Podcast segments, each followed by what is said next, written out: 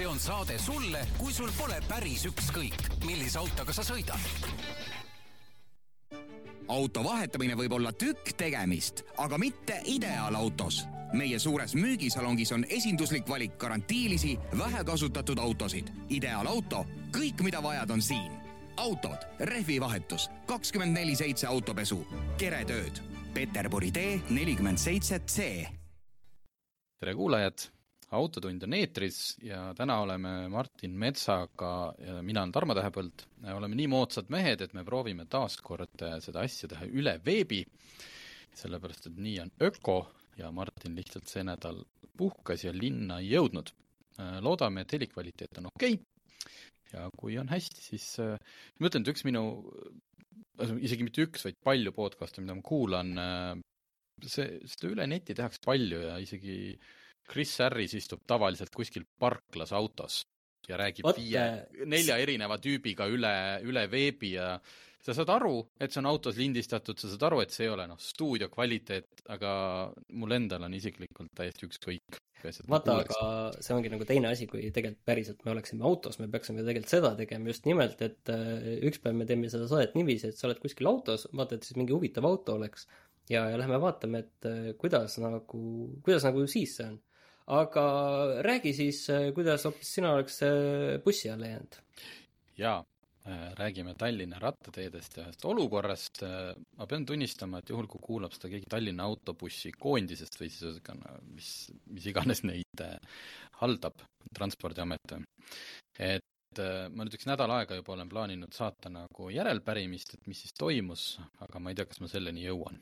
et äh, tulin mina sisse Bolti tõuksiga, sest mina olen väga suur tõuksi fänn. Tõnismäelt sõitsin, äh, tulin sealt Tõnismäelt, pöörasin paremale alla Balti jaama suunas äh, mööda ilusat, äh, natuke juba kulunud punast rattateed. sugugi mitte autode vahel, sugugi mitte inimesi ohustades, vaid ikkagi ilusti rattateel. ja seal tuleb kohe, seal on mingi polikliinik, seal on vist hambakliinik ka, et seal on ta bussitasku. ja äh, ma olen täiesti kindel, et ma olin kogu aeg, et see buss tuli pärast mind. Ehk minu tagant, ta pidi mind nägema. ja mina tulen oma rattateed ja üks hetk on mu kõrval buss, mis lihtsalt surub mind niimoodi, et ma pidin panema, nagu me lapsena ütlesime, ilge loha, tähendab seda, et pidurid põhja ja siis eh, lihtsalt hüppamagi kõnniteele, vedama selle tõuksi endaga järgi, sest see buss lihtsalt sõitis peatusse ja surus mind sinna vahele ma saan aru, võis olla tegemist inimliku eksimusega, aga mida see bussijuht siis sellel hetkel vaatas, et noh, arusaadav, nad vist ei ole ka harjunud veel sellega, et äh, seal on see ratta, rattarada, kust peadki vaatama, et seal ei oleks ühtegi ratturit ja mina ei saa, noh, ta ei olnud kindlasti minust niimoodi eespool, et ma oleks pidanud nägema nagu suunatuledega peatusse minevat bussi.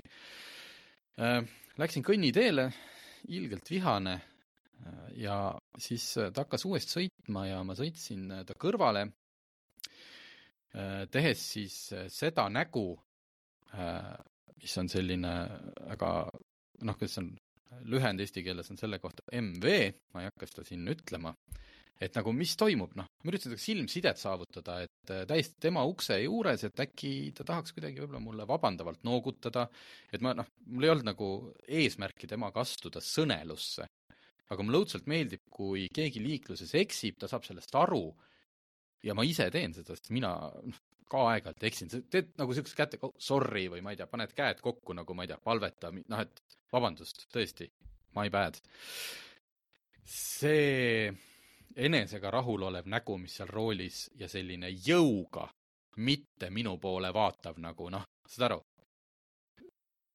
palun, kui see bussinumber oli neli, kaks, kolm TAK suunaga Tõnismäelt alla kuskil kell neli pärastlõunal. ma võin päeva ka öelda, kui keegi tahab teada, äh, ma pean selle meelde tuletama. et äh, ma tahaks teada, mis bussijuht mõtles. kui ta mind tõesti ei näinud, tõesti, päev otsa oled sõitnud, äh, fine. aga kui see oli praegult mingi see hetk, kus inimene on nii ületöötanud, tal on sellest liiklusest nii kõrini, siis on vist aeg karjääriredelil teha samm kuhugi mujale poole või teda vaadates võib-olla siis ikkagi see pensionitunnistus vastu võtta ja nii võib redeli pealt alla kukkuda. tegelikult väga lollakas olukord, et noh, mina ei julge, ma nüüd vist pean ühele oma lapsele ratta ostma, sellepärast et tal kool on natuke kaugemal, kuhu ei vii ükski mõistlik ühistransport. aga kui ma rattateel sõites ka ei saa nagu julgelt sõita, noh, ma ei tea, mul väga, väga raske on nagu oma, oma lapsi sinna rattaselga toppida pärast seda hetke. nojah, et Nii, ähm, äh, selle, selle peale on raske midagi öelda isegi. aga ühesõnaga minu, minu nädal või, äh, või kaks nädalat, need ei olnud absoluutselt äh, nii huvitavad nagu sul või nii äh, adrenaliinirohked, et mina käisin autoga Poolas, Gdanskis, ma ei teagi, et väga nagu, mis selle kohta nagu, nagu rääkida et ega see nüüd mingi, mingi selline asi ei ole, millest peaks nüüd nagu pikalt siin rääkima, et kaks tuhat kakssada kilomeetrit, see ei ole nüüd ka mingi eriline Euroopa tuur. aga võib-olla paar asja tegelikult nagu on ja ma tean no, kohe ma igaks juhuks küsin, et ega sa ei käinud elektriautoga, jah? ei, ei käinud, ma sõitsin ka mööda väikseid teid ja selliseid äh, veidraid kohti, et, et noh, tegelikult mis ma tegin, Danskil ma läksin niiviisi, et noh, nii kui äh, ma olin äh, sellest Poola jõudnud, siis ma tegelikult tõmbasin üles paremale kohe ära ja läksin mitte mööda kiirteed sinna Gdanski ja noh, seal läheb Varssavi peale, teine läheb Gdanski peale, sealt ühel hetkel nagu laiali see tee. sõitsime mööda väikseid teid. Kaliningradi alt, käisin seal Kaliningradi, Poola, Leedu kolme piiri kohtumiskoht on, seal käisin, tagasi tulles tulin samamoodi neid, mööda neid väikseid teid, vahepeal muidu enamasti üheksakümne teed, aga noh, ütleme, et mööda kiirteed sa jõuaksid kõvasti kiiremini kohale, aga samas sealt on otsem, sealt on otsem nagu kilomeetrites ja vahepeal pidi kolmekümnega sõitma seal mingite teede peal ja et ta oli selline, aga noh, ta oli ikkagi huvitav maakoht ja ikkagi noh, Kaliningrad siin kohe kõrval, vaatad, sõidad seal mööda, väga huvitav, väga huvitav selles mõttes. tagasi tulles seal on see Hitleri hundikoobas, kus sai käia, et see, see oli ka väga, väga tore vaatamisväärsus. et kõlab minu jaoks nagu õuduste puhkus ei olnud, ma olin väga rahul, aga okei okay,, asjast rääkides, siis äh, üks asi, mis jäi ikkagi silma, on see, et äh, kõikjal on ristmikel peatee märgid. see märk, et äh, see kollane, kollane valge klärakas, et sa oled peateel. okei okay, Eestis... mitte see, et anna teed märk, vaid just, et peatee. sina oled peateel. et sina oled pea, ühesõnaga sa ristmikule sõidad, sõidad, on ju, siis sul ei ole seda küsimust, et kas oi-oi, et kas, kas minul on peatee ja siis sa võtad natuke kiiruse maha ja natukene piilud kõrvale, et kas seal on see kolmnurkne märk äh, Äh, paremal olemas, et äh, ikka anna teed märk on kõrval olemas, et kas ikka oled peateel. ma olen aru saanud, et äh, Eesti on igal juhul Euroopa viimane riik, kus seda peatee märki ei kasutata. ja tegelikult see on nagu minu meelest nagu päris oluline, sellepärast et noh, kasvõi mingi ökonoomsuse või sõidu sujuvuse ja kõige selle koha pealt. et sa tead, et sa oled peateel, sina sõidad, teised peavad kõrvalt vaatama, et nad sulle ette ei sõida, on ju. et äh, mina ei saa aru, miks Eestis see on niiviisi, et ma arvan, et me peaksime seda küsima äh, Transpordiametist, et miks see Eestis niiviisi on, et äh, sa ikkagi pead piiluma, mis märk kõrval on, noh, ma just ütlen, ma sõitsin mööda neid väikseid teid, igal pool seal on äh, need märgid üleval, on ka Leedus üleval, igal pool. ja kui automaksu koha pealt oli suur mure, et me oleme Euroopa viimane riik, kus ei ei ole peatee või ei ole automaksu siis äh, minul on ikkagi küsimus, et miks me nüüd oleme Euroopa viimane riik, kus aktiivselt ei kasutata peatee märki. et kas tõesti on nagu mingi mure, et äh, inimesed sõidavad liiga tuimalt ristmikule välja, vastupidi, minu meelest see on jumala okei okay,, kui sul on peatee, siis äh, sõitkegi sujuvalt, mitte see, et kõik natukene seal nikerdavad. teine asi. Eestis teeremont oli, mis on vist siin, jääb järgmiste aastate viimaseks suureks teeremondiks, on see, väga tore oli vaadata, mis toimus Pärnust lõuna pool, seal kümme kilomeetrit ehitatakse mm, neljarealiseks. väga tore, tundus väga mõistlik äh, ja terve, terve Läti äh, teetöid näha ei olnud, ka see sild, mis on Eesti piirist mingi kümme-viisteist kilomeetrit, kus äh, on foor olnud vist kümme aastat juba, et seal liiklust korraga peale ei lastagi, et Lätis oli asi nagu väga kurb, aga Leedus et mul oli tunne, et selliseid teetöid, mis Leedus toimusid, eriti need, mis toimusid Kaunasest äh, lõuna poole, et selliseid teetöid, mul on tunne, et Eesti riik äh, vist äh, taasiseseisvuse ajal ei ole näinudki. ja kuidas leedukad suudavad, mul on see küsimus, miks Eesti ei suuda ja kuidas leedukad suudavad seal ehitada seda neljarealist kiirteed välja kümnete ja kümnete ja kümnete kilomeetrite kaupa, pluss see, mis neil on juba välja ehitatud pluss nad ehitavad seda juurde väga metsikult, et see oli nagu tõesti nagu suurejooneline vaatepilt. ja Eestis ma saan aru, näed, see äh, Pärnu maantee ju tuleks niiviisi välja ehitada, aga paistab, et äh, paistab no., et ega ei jõua ju kaks tuhat kolmkümmend, ega see on ju kohe varsti käes. kohe on kaks tuhat kakskümmend neli ja ei. prioriteedid, prioriteedid ja meil läheb see, ma täpselt ei oska sulle öelda, kuhu, aga ilmselt mujale, mida jälle leedukatel ei ole. no võib-olla, aga e see või, või Leedu jättis selles mõttes väga hea mulje, on ju, okei okay,, neil seal Panevežise ja Kaunase vahel on see tee on suht nagu õnnetu, aga see oli väga huvitav ka, et tee oli õnnetu, aga seal oligi nii, et noh, möödasõidu kohta, no selles mõttes nad ei olnud füüsiliselt eraldatud, aga pikalt on niiviisi, et noh, siit nagu mööda ei sõida, tee ongi kehv siin mingi kakskümmend kilti järjest ja okei okay,, see oli üks selle õnnetu koht, aga, aga selles mõttes see oli ikka muljetavaldav, pluss äh, Poola teed, no, no väga-väga head teed, et selles mõttes äh, minul seal sõites kõige suurem mure ikkagi tegelikult äh, tekkis ikkagi Eesti teede pärast ausalt öeldes, ma mõtlesin selle pärast, et mis nagu meil on kehvasti ja millega tegelikult me ikkagi peaksime, peaksime nagu tegelema, et see oli seal tõesti minu jaoks suurim, suurim mure. vot, nii, aga on sul küsimusi veel selle kohta? ma tean, et üks küsimus sul muidugi on, aga see on, ma ei tea, kui me selle laeka avame, siis kuhu me välja jõuame? Äh, ma nüüd täpselt ei mäletagi, millist sa mõtled, kas, ah seda, kuidas liikled, kuule ärme seda vist ava jah, et kuidas siis, kas kas välismaal, lähivälismaal liigeldakse paremini kui Eestis, see on meil siin viimasel ajal äh, toimetuses olnud tuline teema, pärast ühte Ronald Liive arvamuslugu, millega ma ei ole nõus, et, et Eestis on kuidagi liiklus nii kohutav, et lihtsalt äh, surge maha, et tegelikult ei ole, meil on väga mõnus sõita, aga ärme seda täna ava. võib-olla peaks mõni päev võtma Ronaldi ja mujal oli tegelikult ka väga mõnus, et ma, ma nagu tegelikult ei, ei kurda, et tõesti mujal oli mõnus, aga, aga just teede pärast. kuule, äh, kiirelt, et äh, teha ühendus ühe väikse järgmise lühiteemaga. kütusehinnad, kus sa tankisid? Uh, muidugi Poolas, sellepärast et ma tean, et siin nüüd hiljuti olid, Eestisse tulid ka nagu Poola hinnad, aga see oli väga tore, et sa sõitsid uh, Läti, Leedu, Poola, et äh, miinus viis senti, miinus kümme senti ja miinus viisteist senti liiter, et mm -hmm. niiviisi see läks ja noh, ega tegelikult liiga palju ei olnudki vaja tankida, on ju, aga Le-, Poolas muidugi lasin paagi täis. kiusatus oli muidugi ka vaadata, et mis juhtub, kui seda sadat lase, laseks sisse, sada reisingut, aga ma ei hakanud seda proovima. Et võib-olla mul auto seda välja ei kannata, aga, aga, aga oli ka see suhteliselt mõistliku hinnaga, ma ei mäleta, mis see slottides nüüd seal täpselt oli aga jah, väga odav oli, üldse oli odav. jaa, et siit tuleb veel eraldi, eks ju, noh, sa nii kaua ei olnud, kütuse kvaliteet ja sest, et äh, me hakkasime, hakkame siin ühte teemat äh, natuke AdBlue kohta kirjutama ja siis mulle üks, üks allikas ütles kohe, et jaa, et kõik rekkamehed teavad, et kuskil seal ma ei tea, kas see oli Kaunase või, või Varssavi taga, et seal sellest jaamast AdBlue't ei tankita, sest et pärast seda on sul kõik süsteemid umbes.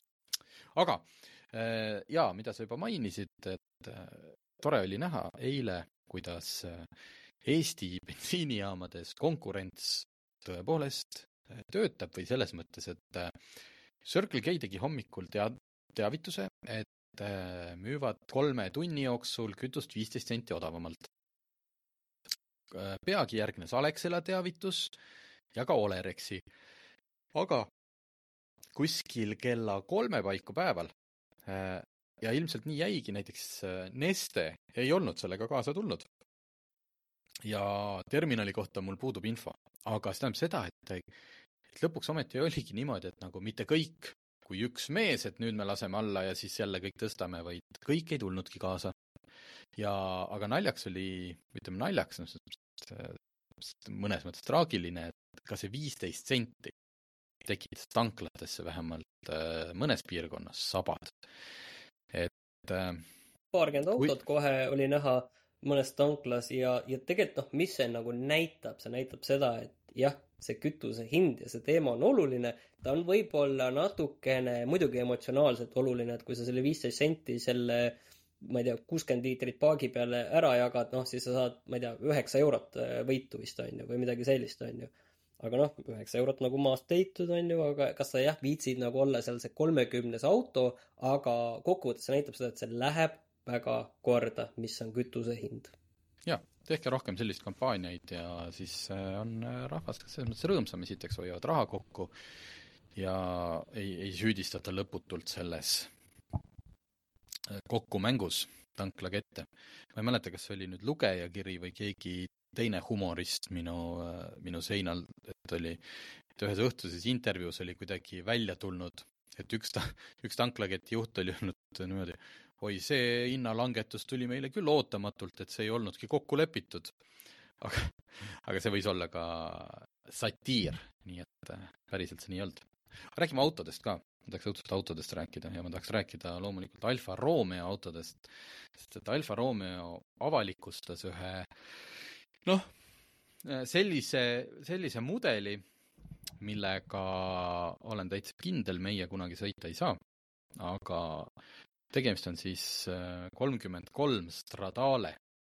noh, mitte uusversiooniga, aga, aga nimi on sarnane, mis muidugi on äh, homaaž ühele vanale Alfale hästi kuulsa disainiga, kandis sama nime. Äh, miks ma selle siia panin, neid selliseid ülikalleid, see auto maksab umbes noh, üks koma seitse miljonit pluss maksud, et oleneb, mis riigis elad noh, niisugune kahemiljoniline auto. Neid toodetakse loomulikult ainult kolmkümmend kolm tükki. aga kummaline on see, et sa saad ise valida, kas sa tahad, et see auto oleks bensiini või elektrimootoriga. et äh, bensiinimootori puhul on sul seal siis natuke rohkem kui kuuesaja hobujõuline, niisugune kolmeliitrine V6 ja elektrimootori puhul vist seitsesada viiskümmend hobujõudu. Äh, disain on äh, no disain on väga eriline, ma ei, noh, ma ei oska öelda, ilus, kole, hea, halb, et äh, täiesti teistmoodi. et äh, auto, mis maksab kaks miljonit ja mida tehakse kolmkümmend kolm tükki, et seal nagu on võimalik mööda panna, aga mitte palju. kuigi jällegi, mõned korüfeed on juba võtnud siis seal Instagramis ette, pannud vana ja uue äh, sellest kolmkümmend kolm Stradale kõrvuti ja hakanud siis seal niimoodi sae käima tõmmanud, et küll on ikka proportsioonid paigast ära, küll on ikka rattad liiga suured ja no see on kõik väga tore, lihtsalt et kui panna sama suured rattad nagu olid, ütleme, vanal kolmkümmend kolm Stradalel, siis noh, kahjuks auto ei saaks pidama selle kuuesaja ja seitsmesaja hobujõuga. et kuhugi pead sa ära mahutama pidurid. ühesõnaga, et sa ei, nagu mingid tehnilised lahendused lihtsalt sul ei võimalda teha selliseid autosid, nagu oli kuuekümnendatel. aga noh, võib proovida, aga sellest ei tule midagi välja äh,. lihtsalt äh, see trend, tehakse selliseid üksik, pisike seeria mingeid hästi kalleid autosid, üks äh, märgilisemaid viimasest ajast on näiteks äh, Bentley Batur, mis on noh, väga tugevasti ümber ehitatud, aga siiski äh, Bentley Continental GT. sama mootor, teistsugune disain, seal noh, ühesõnaga, eh, mida toodeti ka väga vähe, paarteist tükki, ja mille hind oli ka ligi kaks miljonit eurot, aga sisuliselt on tegemist eh, Bentley Continentalgi, millega ma just siin suve alguses ju sõitsin, eh, see V kaksteist mootoriga, noh, mis on umbes kolm kuni nelisada tuhat eurot maksab. aga et sa ehitad ta nagu natuke teistsuguseks, ütled, et see on hästi haruldane ja, ja inimesed maksavad selle eest noh, pea kümme korda rohkem. et noh, hästi selline huvitaval ajal elame, kuidas tegelikult ostetakse põhimõtteliselt ära kõik ja paljud autofirmad ongi aru saanud, et neil on lihtsam teha näiteks kakskümmend sellist erimudelit, isegi kui see on käsitöö ja noh, see on nagu, võtab rohkem aega kui näiteks Alfal, ma ei tea, välja töötada täiesti uus kupee, mida saaks osta näiteks seitsmekümne tuhande euroga. Aga noh, see nõuab juba tohutut arendust, see nõuab tohutut äh, ma ei tea, turundust, äh, kõike seda. samas kui on lihtsam see kasum kokku võtta sellega, et sa lihtsalt kasutad olemasolevaid mootoreid, noh, sest Maserati äh, Gran Turismo tuleb ju elektrilisena. nii et see elektriversioon sellest kolmkümmend kolm Stradalest ehitatakse lihtsalt selle elektrimaserati põhjale. aga kui te arvate, et kaks miljonit on nagu piir ja see on ikkagi päris kallis, noh, seal Pininfarina Batista Speedster maksab näiteks neli miljonit, siis äh, kuidas öeldakse, Rolls-Royce ütleb, et hoia mu šampanjaklaasi. sellepärast, et nad on teinud järjekordselt äh, maailma kõige kallima, kuidas siis, uue auto. Äh, ja mitte selles mõttes, et, et noh, kindlasti keegi suudaks teha kallima, lihtsalt võtab, ma ei tea, vana Toyota Land Cruiseri ja kleebib selle teemanteid täis, vaid ikkagi täiesti nullist ehitatud äh, sõiduk. mulle väga nime... meeldib see, ma vaatan pilte, mulle piltide järgi väga meeldib see, ma oleksin täitsa nõus. ja, ja selle sest ta ei näe välja nagu kakskümmend kolm miljonit, mulle see ja. meeldib tegelikult. kakskümmend kolm miljonit. Äh, nimi on Amethyst Droptail ja loomulikult äh, seal juures on noh, see kõik, kõik see lugu, miks ta on seda värvi, mida seal on tehtud, et see värv on seotud sellega, et selle auto tellija on äh, ühesõnaga, seda autot on neli aastat äh, ehitatud ja anonüümne omanik, kelle perekonnal on eriline side kalliskividega, sealt ka siis see lilla ametüsti nagu nimi ja värv. et ja, ja see ei ole lihtsalt see, et sul on võetud nüüd nagu hästi, noh, nagu tavaline Rolls-Royce natuke teistsuguseks koputatud, vaid äh, siin on toodud välja, et äh, taga, see noh, nimetame seda matslikult siis pagasikatteks, on väärispuidust loomulikult niisugune kõige suurem puitpind äh,. Rolls-Royce on varem, varem ka kasutanud, meenutab nagu selliseid superjahi tekki. aga selleks, et see, see tagaosa disain oli Rollsi sõnul siis aerodünaamiliselt vastuolus surujõuga, ka midagi seal tekkis ja auto muutus suurtel kiirustel ebastabiilseks. ja, seda auto tagaosa disaini muudeti kakskümmend korda kahe aasta jooksul, et see õhuvool saada selliseks, et auto sõiduomadused vastaks sellele hinnale. noh, siis muidugi, kuidas noh, seal on eraldi niisugune Šveitsi kellatootja kell, viiskümmend tundi oli siin, äh, värviti seda esivõre äh, ja viimistleti. ühesõnaga, nagu muidugi ma teaksin hästi palju asju, mida kahekümne kolme miljoni euroga teha, aga ütleme, et kui sul on noh, näiteks pangaarvel kaks koma kolm miljardit, noh et siis mingi üks protsent on vist või, isegi vähem, sellest on, ei, nagu sellise kunstiteose alla. et jätkuvalt et äh, keegi ostab, eks ju, äh, selle kahekümne kolme miljoni eest maali. Äh, minu jaoks on see, see auto täpselt samasugune skulptuur või maal, millega on keegi neli aastat väga palju inimesi vaeva näinud. et minge vaadake. kuule, aga tuleme ametist Droptail. tuleme nüüd maa peale tagasi, selles mõttes, et uus Passat kuulutati ka välja oh, aga siin on ju kõik öeldud ei, ma mõtlengi tegelikult, et mis siin nagu öelda on tegelikult, et no, esiteks see äh,, mida öelda on, äh, seal on paar päris suurt uudist. esimene uudis on see, et uus Passat tuli. mitte nagu paljud teised, noh näiteks äh, Volvo lõpetas ju äh, vähemalt UK-s, ma ei tea, kas Eestis seda uudist vist ei ole veel olnud, ma ei tea, ma olin puhkusel, näiteks Inglismaal universaalide müügi ära jäävad ainult, jäävadki ainult linnamaasturid. et äh, vabalt võib mingi hetk juhtuda, et äh, ka teised autotootjad teevad sellise otsuse. Õnneks Volkswagen Passati puhul tehti, kuidas ma ütlen sulle, pool otsust. sest uus Passat on saadaval ainult universaalkerega äh, meie regioonis. võib-olla kuskil Hiina tehakse ikkagi seda ja nii edasi.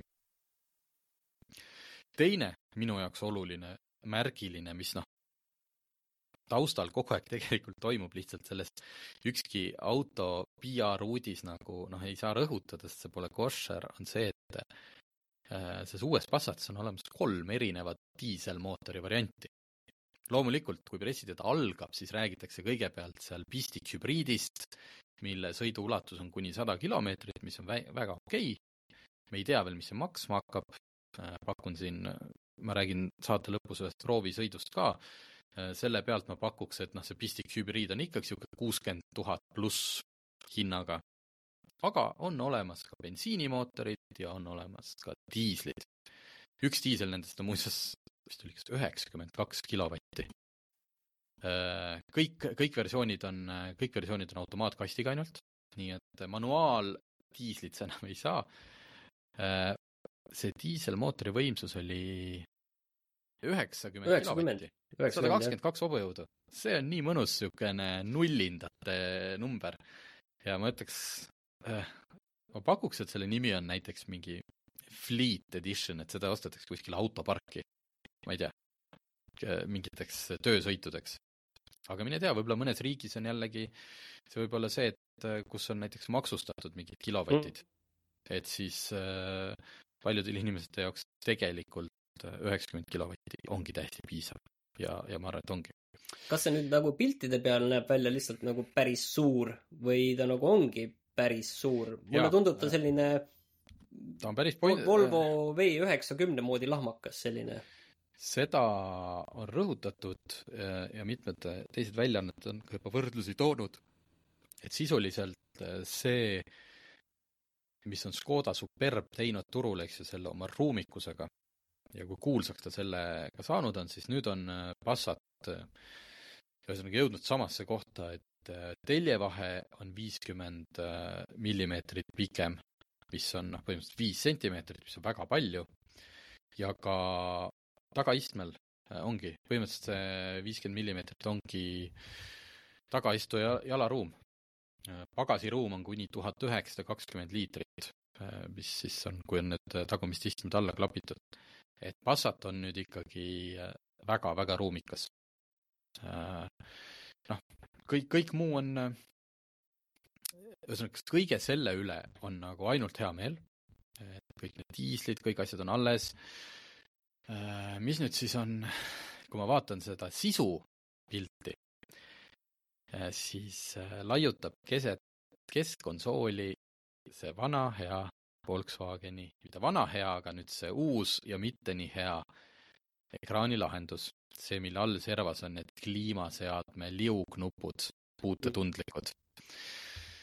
no ühesõnaga, Volkswagen ilmselgelt teab kogu selle süsteemi nõrku kohti ja siin on kirjas, tegemist on täiesti uue nii-öelda äh, põlvkonna selle ekraaniga. et äh, lihtsalt pole muud teha, kui ära oodata see aasta kaks tuhat kakskümmend neli, et äh, seda näidatakse ametlikult nüüd septembri alguses kuskil Saksamaa auto, Münchenis. muuseas, ja, ja see Mobility mess, mitte automess ja kaks tuhat kakskümmend neli esimeses kvartalis ja siis äh, me lihtsalt peame seda ise proovima, et kas Volkswagen on ära parandanud kõik need loogikavead, kõik selle kasutusmugavuse, kõik selle, et ise on nad äh, muidugi väga uhked, et see kõik on lihtsalt noh, päästab autojuhi elu ja mugavuse ja kõik. aga see kõrvale jättes siis positiivne uudis ja ma arvan, et äh, universaalid ei ole surnud Äh, tähendab, võib-olla äriliselt on, aga autona ma ei ole sellega nõus, sest ma sõitsin just uue Peugeot viissada kaheksa universaaliga, õigemini uuenenud. Äh, on sul küsimusi ähm,?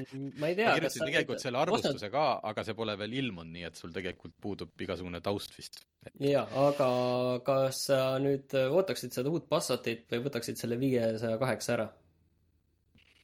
Äh, mina Äh, võtaksin selle viiesaja kaheksa ära, äh, sellepärast et äh, viissada kaheksa on disainilt minu jaoks üks, noh, üks par-, nagu ilusamaid selliseid tava või no kuidas ma ütlen, tavaautosid, et ta näeb välja natuke nagu shooting brake ehk niisugune veidike justkui nagu see tagaosa langeks ja, ja see auto ei ole nii, niivõrd orienteeritud praktilisusele. aga oma selle, paar päeva sõitsin sellega ja tagaistet ma proovisin tegelikult alles siis, kui ma viisin ta esindusse tagasi ja seal esinduse ees läksin, panin istme nagu noh, nii nagu ma juhiistmel olin ja läksin sinna taha istuma ja ma olin valmis selleks, et see disain on nagu noh, kuskilt lõivu võtnud. et päris nii ikkagi ei saa, et sa teed niisuguse madala profiiliga auto, aga kuidagi on saanud. seda põlveruumi ei ole seal selle uue Passati või Superbi jagu. aga see on seal täiesti piisavalt. pearuumiga pole mitte mingit probleemi, sest äh, see on nii äh, ilusti või hästi disainitud, et äh, mul on tunne, et see nagu katuse keskelt jookseb niisugune jäme turvatala, millest siis tahapoole on seda lage uuesti nagu kõrgemale saanud viia. nii et noh, pearuumi on seal noh, jõhkralt, ma ei, ma ei tea, kui pikk mees sa pead olema, et ikkagi ennem saab sul põlveruum kindlasti otsa kui pearuum. ja ma kolmas asi, vaatan praegu seda, et tõesti minu meelest väga äge näeb välja, mul tuleb meelde, et kui see nagu välja kuulutati ja me tegelikult saates sellest rääkisime, siis ma mäletan, et ma vaatasin siis ka peale, tundus päris äge universaal.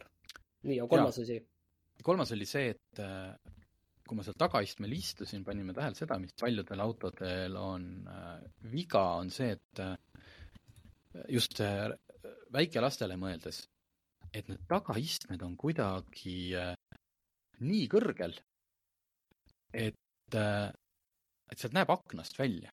ehk et, et see laps, kes istub seal turvatoolis või on lihtsalt, ütleme, natukene veel lühem, peab passima seda uksepolstrit ja siis, kui vanemad eest ütlevad oh,, vaata, kits on tee ääres, siis see laps, noh, noh, ahah, tore, aitäh, et ütlesite. mina ei näinud seda kitse, sest nagu mõnes muus autos ma pidin vaatama seda ukselinki. Et mul on tunne, et, et, et selle Peugeot oli, iste oli kuidagi kõrge. ja see kesktunnel, noh, mida me oleme harjunud nimetama kardaani tunneliks, kuigi sealt mingit kardaani ju esiveolisel autol ei lähe, oli ka äh, võimalikult madalaks tehtud, et juhul, kui seal keskel keegi peab istuma, noh, nii nagu keskmine iste ikka, et ega sinna täismees ennast ei mahuta, aga et sul ei ole jalad, noh, niimoodi, et sa saad jalgu hoida seal selle kesktunneli peal. ühesõnaga, mega hea disain äh, ja ruumi on palju, tähendab, ruumi on piisavalt, et äh, ei pea mööndust tegema. mis nüüd on teemaks hästi tihti, on nende uute Peugeot'de rool. minul see rool meeldib, et see on väike, see on niisugune mõnus, ta hästi istub kätte, väga mugav on sõita. aga tänu väiksele roolile on see auto mõeldud niimoodi, et sa näidikuid juhi ees vaatad üle rooli. üle rooli, jaa, jah. Ja see tekitab tegelikult päris paljudele probleeme, et ei saa seda ideaalset istumisasendit kui lased istme liiga alla, noh, istud auto põhjas, noh, siis jääb see rool, rooli ülemine serv varjab näidikuplokki. kui lased liiga ülesse, ühesõnaga, ma leidsin ideaalse asendi sõitmiseks niimoodi, et rool istus hästi käes, mugav, kõik, aga ainuke jama tekib siis, kui ma sealt autost välja hakkan tulema, sest et siis jääb jalg nagu noh, et ma pean seda paremat jalga siis sealt kuidagi alt niimoodi läbi nühkerdama. et oleks mul nagu palju jämedam jalg või nii, et siis läks raskeks. et, et see on nagu probleem, et, et kõigile ei tarvitse lihtsalt see, no see asi sobida, et sa pead ikkagi ise minema ja proovima järgi, kas sina saad selle paika.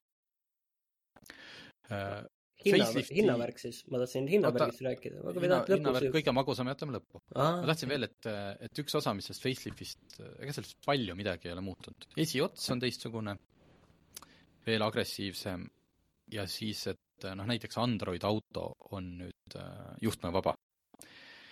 ja mm, mul oli nii, nii, noh, nii positiivne. Läksin autosse, panin kõik, hetkega see telefoni ühendamine õnnestus, hästi lihtne, kõik korras, Android auto töötab. jess.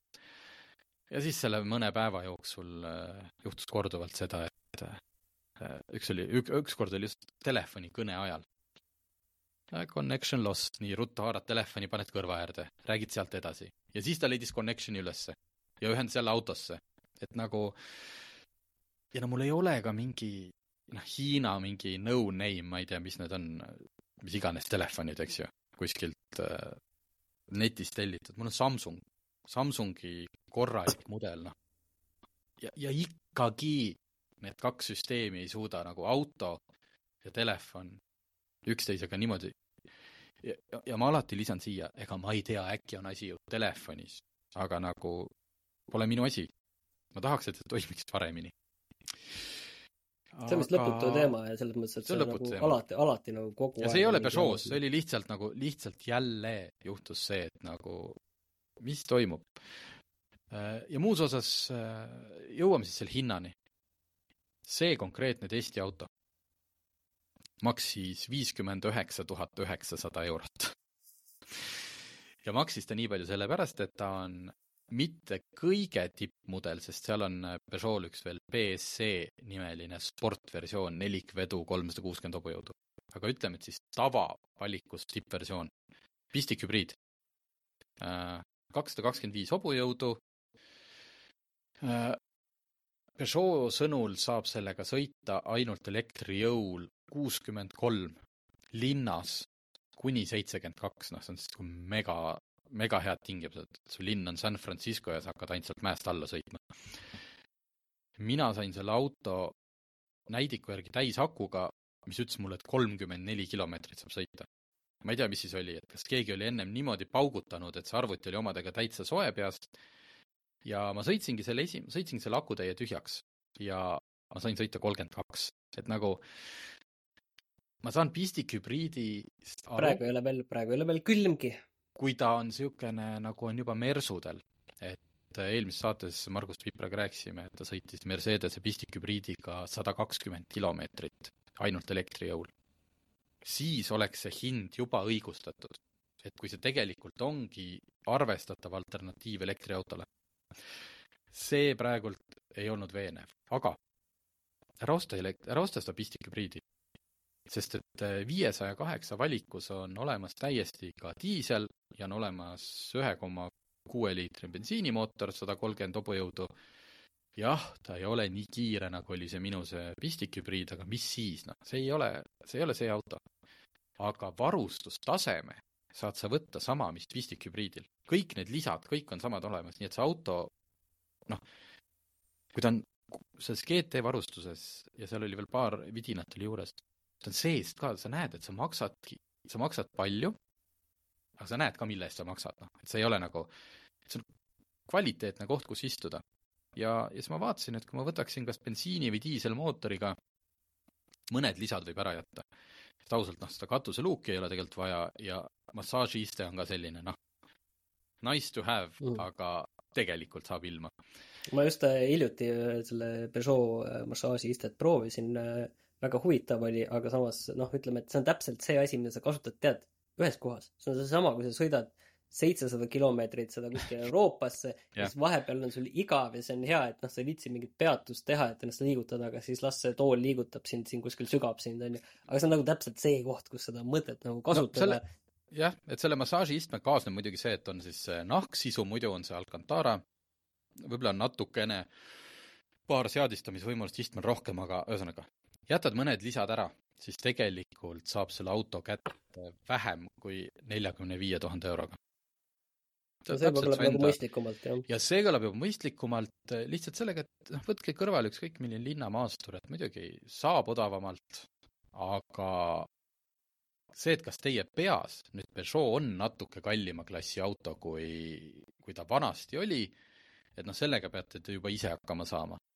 Aga see, et kui sa sinna sisse istud ja sõitma hakkad ja kõiki neid nuppe seal katsud ja oled, siis mõnes mõttes on see hind õigustatud ja noh, kõik, kes siia ikka ütlevad, kuradi prantslased, noh, need ei pea ju ka. Peugeot'l on viis aastat läbisõidupiiranguta garantiid. või siis eh, lisana saad osta kuus aastat, aga siis on kakssada tuhat piirang, et nagu noh, ma ei tea. mind, mind see, mina, ma, mina olen kunagi poest tutika Citroeni ostnud, mis oli aastal kaks tuhat kaheksa äkki või. kolm aastat sõitsin, ühe korra käisin garantiis ainult tagaluugi mingi nupp jukerdas.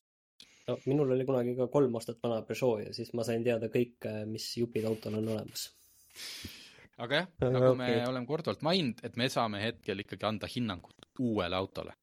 ja meie kasutatud autode hinnanguid saate lugeda muidugi Autogeeniuse portaalist, kus on üleval, palju meid oli, üle kahesaja viiekümne vist juba. ja kakssada seitsekümmend, kakssada kaheksakümmend äkki isegi nüüd juba. just, et minge otsige sealt, et kuidas siis nad on äh, hiljem vastu pidanud, aga mulle viissada kaheksa SV ikka jubedalt meeldis. lihtsalt, et see pagana elektroonika niimoodi jukerdama seal pidi.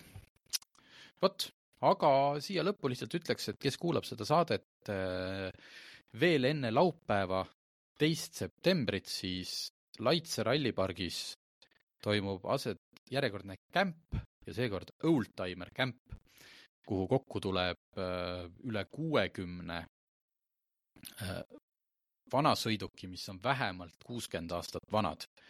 aga seal on ka ütleme, üks auto, mis põhimõtteliselt on äh, maailma üks esimesi autosid, küll replika, aga näete sõitmas üheksateistkümnenda sajandi Benzi ja loomulikult ei ole see lihtsalt, et autod on reas ja minge vaadake, vaid seal toimub äh, palju asju.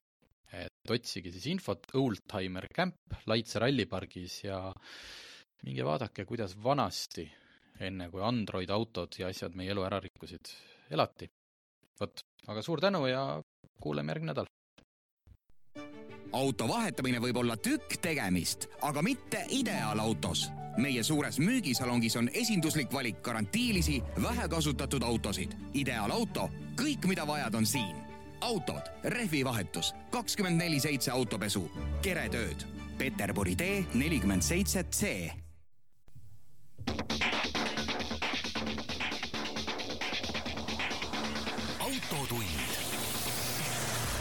see on saade sulle, kui sul pole päris ükskõik, millise autoga sa sõidad.